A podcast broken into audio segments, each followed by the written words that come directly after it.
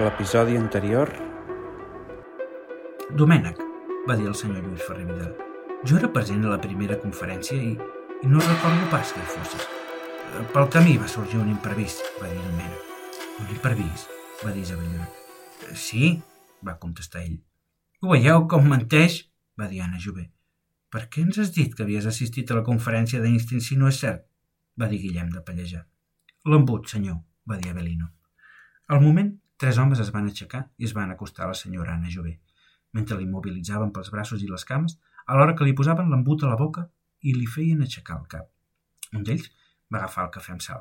Va remenar bé perquè es dislogués tot i ho va tirar dins l'embut mentre li tapaven el nas perquè ho engolís tot. Al moment va començar a arquejar-se i va vomitar. Domènec, pel camí va sorgir un imprevist? va preguntar Maria Cristina. Quin imprevist? El joc de viure, de Magí, Balcells i Balcells. Capítol 18. El cert Bertran. Un quart de cinc. Vas anar o no vas anar a veure Einstein? va preguntar Maria Cristina a Domènec Cert. No, i, i volia anar, però de camí va sorgir un imprevist, va respondre Domènec. Imprevist? Quin imprevist? va preguntar Maria Cristina. Domènec, no diguis res, va dir Bertran i Mocito al seu cunyat. Com que no? va preguntar Maria Cristina, sorpresa de l'actitud del seu marit. En Domènec era amb mi, us ho juro, va cridar Bertran i Mocito amb agressivitat. Amb tu? I, I quin va ser l'imprevist? va preguntar Lluís Ferrer Vidal. Què és tan secret que no ens pugueu explicar? No n'heu de fer res, va dir Bertran i Mocito. Ho veieu? va dir Anna Jové. Amaguen alguna cosa. No amaguem res. Se'ns va girar feina, una reunió, va respondre Bertran i Mocito de forma impertinent. Dos homes van ser assassinats aquell dia i, va dir Domènec. I què? va preguntar el comte de Güell. Quins homes? Domènec, per favor, va dir Bertran i Mocito al seu cunyat per fer-lo callar. Eren dos dirigents del sindicat lliure, va afirmar Domènec. I per això us vau reunir? va preguntar Clotilde de forma innocent. Sí, va dir Bertran i Mocito, i no cal que us diguem res més. Vaja, així que l'Antonio Pero no és l'únic a qui has disparat? va dir el cardenal Vidal i Barraquer. Quin Antonio Pero? va preguntar Clotilde. El motorista del Sidecar que va disparar i va deixar coix, va respondre el cardenal. L'Antonio Pero és l'única persona que he disparat en tota la meva vida, va dir Bertran i Mocito amb contundència. A vegades no cal prem el gallet. Es pot pagar algú perquè ho faci, no? va dir el cardenal. Voleu fer el favor d'explicar què va passar? va cridar Milans del Bosc. Eh, Pepe, tots els aquí presents coneixem qui controla el sindicat lliure, va dir Domènec, el seu cunyat Bertran i Mocito i tots militem en aquest bàndol, em sembla a mi. O hi ha algú que sigui un anarquista de la CNT? Dios me libre, va dir Maria Teresa Núñez del Pino. Res del que parlem aquí sortirà d'aquí, va dir el comte de Godó per tranquil·litzar-los. Josep Bertan i Mocito, en un estat d'embriac més que evident, va mirar el seu cunyat Domènec i va assentir, tot donant-li a entendre que ho expliqués. Sortint de foment del treball em vaig trobar amb el meu cunyat, el Pepe Bertran i Mocito, i em va dir que Josep Martí Arbonès i Josep Serrés i Guerrera havien estat assassinats el dia anterior, va explicar Domènec. I per això no vau anar a veure Einstein? va preguntar Clotilde Ricard. Els dos morts eren membres del sindicat lliure, va dir Bertran i Mocito de forma impulsiva. Ens vam reunir de forma urgent i immediata per donar resposta als anarquistes. Una resposta? va preguntar Clotilde. La sang només es venja amb sang, va dir Domènec amb rotunditat. Havíem de preparar una acció contundent i no contra algun anarquista qualsevol, sinó contra algun peix gros del sindicalisme, i s'havia d'actuar de pressa. Domènec Cert i Badia, de 57 anys, era un home de mitjana estatura, conservador i molt de dretes, de figura rodonida i amb barba castanya i cabells del mateix color, repentinats cap enrere.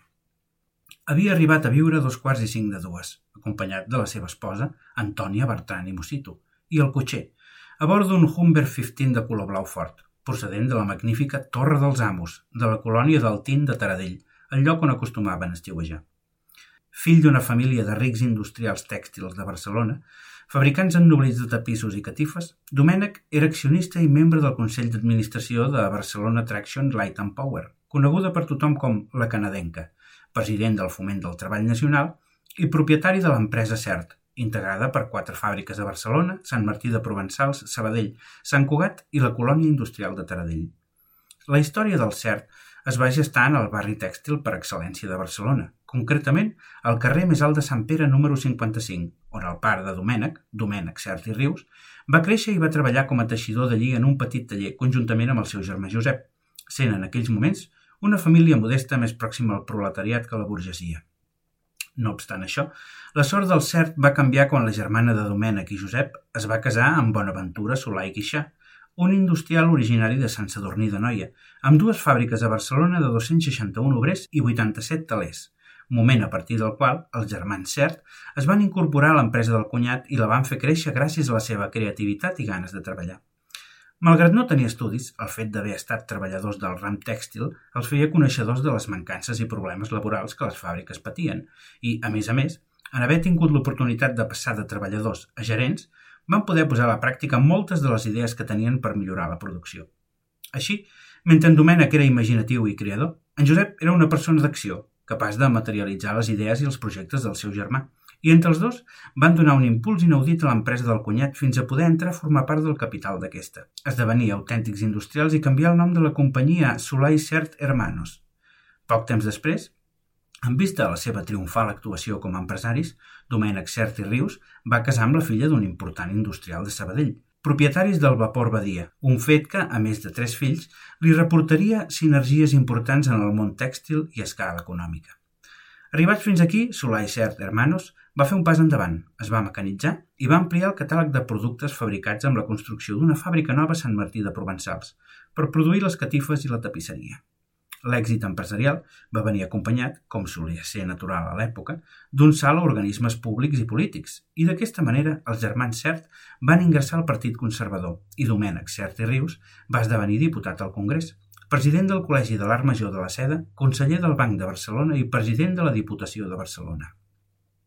Arribant al final de les seves vides, a la dècada dels 80 del segle XIX, Cert Hermanos tenia uns 2.500 treballadors i 700 talers distribuïts en quatre fàbriques i una colònia industrial, integrada per una gran fàbrica, la residència dels amos i cases pels obrers.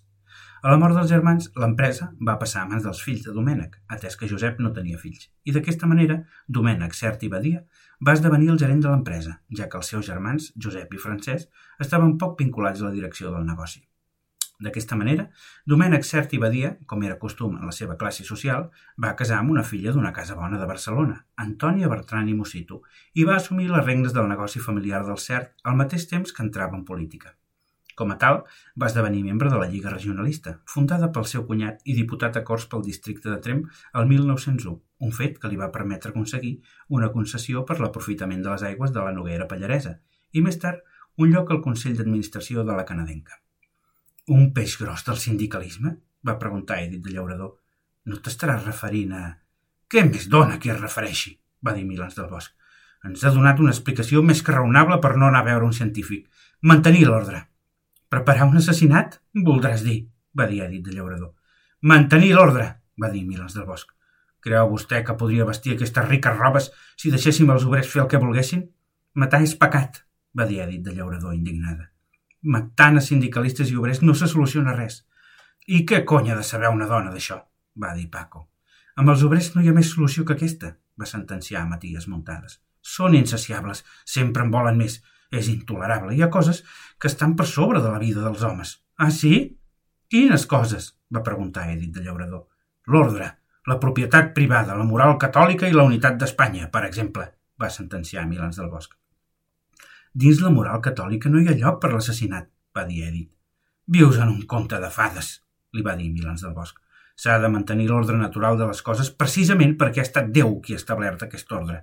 Hi ha coses que no es poden canviar. És inútil lluitar contra això. Nosaltres som en som perquè Déu ho ha volgut així. I igual passa amb els obrers. És intrínsec a la natura. Els homes que dominem som on som perquè som millors. És com si les abelles obreres intentessin ser la reina. Només hi ha una diferència. Els insectes obrers són molt més disciplinats que els humans, va dir Cambó fent riure molt dels presents. Cada cop que obriu la boca pequeu, va dir el cardenal Vidal i Barraquer impulsivament. Vosaltres no sou millors per naturalesa. Senzillament heu tingut l'oportunitat i el privilegi d'haver estudiat. Els obrers no són analfabets per ser obrers. Ho són perquè han hagut de posar-se a treballar amb set anys i perquè no han pogut anar a estudi, un privilegi només a l'abast de les famílies benestants. Aquesta és l'única diferència. Tu calla, li va etzibar Bertran i Mosito, tot aguantant-se el cap i recolzat a la taula. No ho resoldrem ara, això, va dir Lluís Ferrevidal. Volem sortir d'aquí? Seguim endavant o no? Veig que tothom ja s'ha acabat les pastanagues. Sembla que sí, va dir Isabel Llorac, observant un cantó i l'altre de la taula i mirant Avelino. Avelino va mirar el mosso de claus mentre sentia amb el cap i Ramon Gasol va avisar el servei perquè en retiressin els plats bruts de les pastanagues a la crema i un instant després Paco es va girar i tot mirant a la porta va cridar «Vosaltres! Desgraciats! Ja estem! Doneu-nos la pròxima prova!» Al cap d'uns segons es va veure entrar un sobre gran des de la ranura de la bústia. Es tractava d'un sobre idèntic als anteriors, amb 32 petits sobres a l'interior, numerats i amb el nom de cada persona escrit. Va, anem per feina, va dir Milans del Bosc. Qui té l'1? Jo, va dir Clotilde Ricard, començant a llegir. Nascut el 1862 en una ciutat molt conservadora i amb forta presència de l'exèrcit. Va ingressar a l'Acadèmia General Militar el 1880, va continuar Virginia Churruca. Es va llicenciar el 1884 amb el rang d'alferes d'infanteria, va dir Carme Estruc. Amant de les armes i de la superioritat militar, va dir Isabel Güell. Va lluitar a la guerra de Filipines i va esdevenir comandant amb només 35 anys, va llegir Ramon Godó. A Melilla va destacar en la campanya del Marroc i va esdevenir coronel amb 47 anys, va llegir Maria Carbonell. Pensava que la funció de l'exèrcit no era només la defensa d'Espanya enfront de l'enemic exterior, va seguir Domènec Cert, sinó, sobretot, la salvaguarda de l'ordre públic contra els enemics interiors, va dir Josep Batlló. És a dir, lluitar contra tots aquells que volien modificar la situació política, va llegir Antoni Maria Jové a poc a poc i amb molta dificultat. Amb independència, que ho vulguin fer de forma pacífica o violenta, va seguir el cardenal Vidal i Barraquer. Era un home cruel i violent sense cap escrúpol, va seguir Lluís Ferrer Vidal. Francesc Cambó el va recomanar al monarca com a bastió de l'ordre, va dir Francesc Cambó. I les autoritats el van enviar a Catalunya, va seguir Anna Jové. Va ser destinat a Barcelona, va dir Maria Teresa Núñez. I amb Milans del Bosc va fer amistat, va dir Milans del Bosc. S'està referint a en Martínez de Nido. Segur? va preguntar Guillem de Pallejà. Crec que sí, va dir Matías Muntades. Seguim. Els dos van donar suport al lockout, va llegir Èdit de Llaurador, i a la militarització de l'ordre públic amb el sometent, va llegir Consuelo Jové. Va dissoldre la CNT, va detenir els seus líders i els va deportar al castell de la Mola de Maó, va llegir Paulina Pozzali.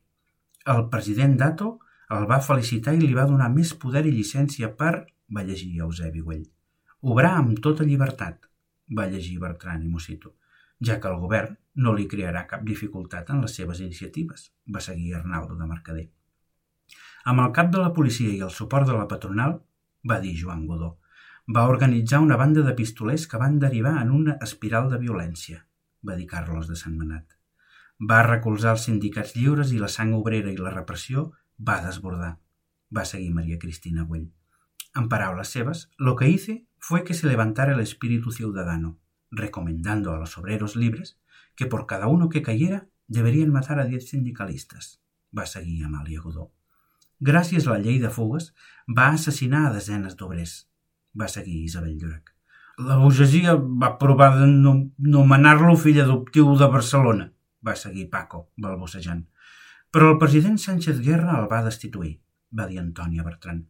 Finalment, abans de marxar va rebre un banquet de comiat i homenatge va llegir Maties Muntades. A l'Hotel Ritz de Barcelona, va seguir el marquès de Montsolís. On va ser victorejat? va dir Lluís Llorac. Per part de tots els que estan aquí assentats, va dir el comte de Güell. És Martínez Anido, no hi ha dubte, va dir Milans del Bosc. Eh, sí, Severiano Martínez Anido, va dir Paco. Maria Cristina Güell va agafar la graella de les pistes i va apuntar el nom del general a la casella número 6. Després va dir Tenim cinc pistes. La segona, que és 26 segons segona, la tercera, 325, la quarta, pistola, la sisena, Severiano Martínez Anido, i la setena, advocat. Ens en falten tres, la 1, la 5 i la 8. Qui és aquest tal Severiano? va preguntar Consuelo Jové. Un general, li va contestar el seu marit, Eusebi Güell. És l'home que més va lluitar contra el pistolerisme. I si resulta que els que ens tenen aquí tancats són sindicalistes? va dir Maria Cristina. En el primer sobre han acusat a la burgesia i ara apareix de Nido. Si són sindicalistes ja ens podem donar per morts, va dir Matías Muntades. Però, i la resta de pistes? va dir el comte de Güell. 26 segons segona, 325, pistola, Martínez Anido i advocat? Home, Martínez Anido i pistola sí que lliguen, no? va dir Amàlia Godó. Apunten al pistolarisme. Si té a veure amb el pistolarisme, no pot tractar-se d'una venjança, va deixar anar Bertran i Mosito. Van començar ells. Ells? va dir Clotilde. El primer assassinat el van fer els anarquistes de la CNT el 1918, va dir Domènec Cert. Això no és cert. Sempre hi ha hagut violència entre obrers i patrons, va dir el cardenal. Sí, però el pistolarisme com a tal, de forma sistemàtica per atemptar, va començar per part de la CNT, va dir Cambó. Potser hauríem de puntualitzar una mica, no? va dir el cardenal. El 1917, la CNT i la UGT van convocar una vaga general, animades pel triomf de la Revolució Russa i per protestar contra les conseqüències de la Gran Guerra, que havia enriquit els empresaris i al mateix temps havia provocat una forta inflació que havia assumit el proletariat en la misèria. Els obrers tenien l'esperança que l'exèrcit faria costat als vaguistes, tal com havia passat cinc mesos abans a Petrograd, en iniciar-se la Revolució Russa, però, eh, com era d'esperar i atès que Espanya no és Rússia, l'exèrcit va respondre amb una dura repressió que va deixar 70 morts, 64 ferits i uns 2.000 empresonats, i el govern i els patrons, un cop acabada la vaga, van respondre amb més empresonaments, milers de sindicalistes acomiadats i llistes negres d'obrers per impedir que els més ferms sindicalistes els fos impossible trobar feina. Esteu justificant l'assassinat dels patrons? va dir Domènec, ofuscat. No, va respondre el cardenal. Una mort mai és justificable, però potser posar-se la pell dels obrers ajuda a entendre per què ho van fer. Potser si s'hagués tractat els obrers amb més dignitat mai haurien arribat fins a aquesta situació. Això és indignant, va dir Bertran i Mosito. Poseu-vos al seu lloc, va dir el cardenal. Què faríeu si treballéssiu de sol a sol per un sou miserable, sense descans setmanal i treballant des dels set anys? Què faríeu si estiguéssiu condemnats a treballar en fàbriques mal ventilades, amb xafogó a l'estiu i un fred glaçat a l'hivern, sense cap mena de condicions de seguretat, amb accidents laborals cada dia, sense cap mena d'assistència sanitària pública, ni subsidis de torn ni pensions de bellesa, què faríeu si fessin anar els vostres fills a la guerra i els fills de les persones que, que us exploten se'n salvessin perquè poden pagar la dispensa? Què faríeu si l'home que us dona feina us pot acomiadar quan vulgui, sense cap motiu i sense cap mena de compensació? Què faríeu si no poguéssiu alimentar els vostres fills per estar en una llista negra que t'impossibilita trobar feina? Què faríeu si no tinguéssiu res per portar-vos a la boca? Què faríeu si us empresonessin senzillament per protestar en una vaga contra el fet d'haver de treballar 16 hores al dia? Així que van començar ells va dir Clotilde, obviant tot el que acabava de dir el cardenal. No està clar, Clotilde, va dir el cardenal. Com que no? va cridar Domènec Cert. Josep Albert Barret i Montner va ser assassinat el gener de 1918. No està clar que fossin els anarquistes de la CNT, va dir el cardenal. Els anarquistes sempre han dit que no va ser cosa seva, sinó d'uns espies alemanys que volien sabotejar les activitats dels industrials catalans que treballaven pels aliats. Fins i tot corre el rumor que alguns sectors de l'Estat podrien estar al darrere de tot per justificar així la repressió contra el moviment obrer. Van ser els anarquistes, va sentenciar Matías Muntades, els mateixos que van intentar cremar la nostra fàbrica. Fos qui fos, a partir de llavors, la manera de procedir tant dels anarquistes com dels patrons va ser la mateixa, atemptats amb pistoles, va dir el cardenal i la cosa va anar en augment, sobretot amb la vaga de la canadenca, un fet que va permetre al senyor Milans del Bosch decretar l'estat d'excepció a Catalunya, autoritzar la creació del sometent i actuar amb impunitat contra la cúpula de la CNT catalana. Van deixar el país sense llum durant dos mesos, va replicar Milans del Bosch, a part de sembrar el caos i el terror a tot Catalunya. Van posar en escac l'economia i l'Estat. No en vam tenir prou amb treure les tropes als carrers i declarar l'estat de guerra per sufocar la vaga, sinó que vam haver d'autoritzar el sometent per patrullar pel carrer. Així ho vaig fer i així ho tornaria a fer per vèncer aquells morts de gana. Això de guanyar és molt relatiu, va dir Domènec Cert. Malgrat els milers d'empresonaments de sindicalistes i els locals per part nostra, és a dir, tancar les fàbriques, el conde de Romanones, llavors president del Consell de Ministres, es va veure obligat a decretar les 8 hores de treball no sols a Catalunya, sinó de rebot a tota Espanya. Va ser una humiliant sessió per part del govern, va dir Bertran i Mosito.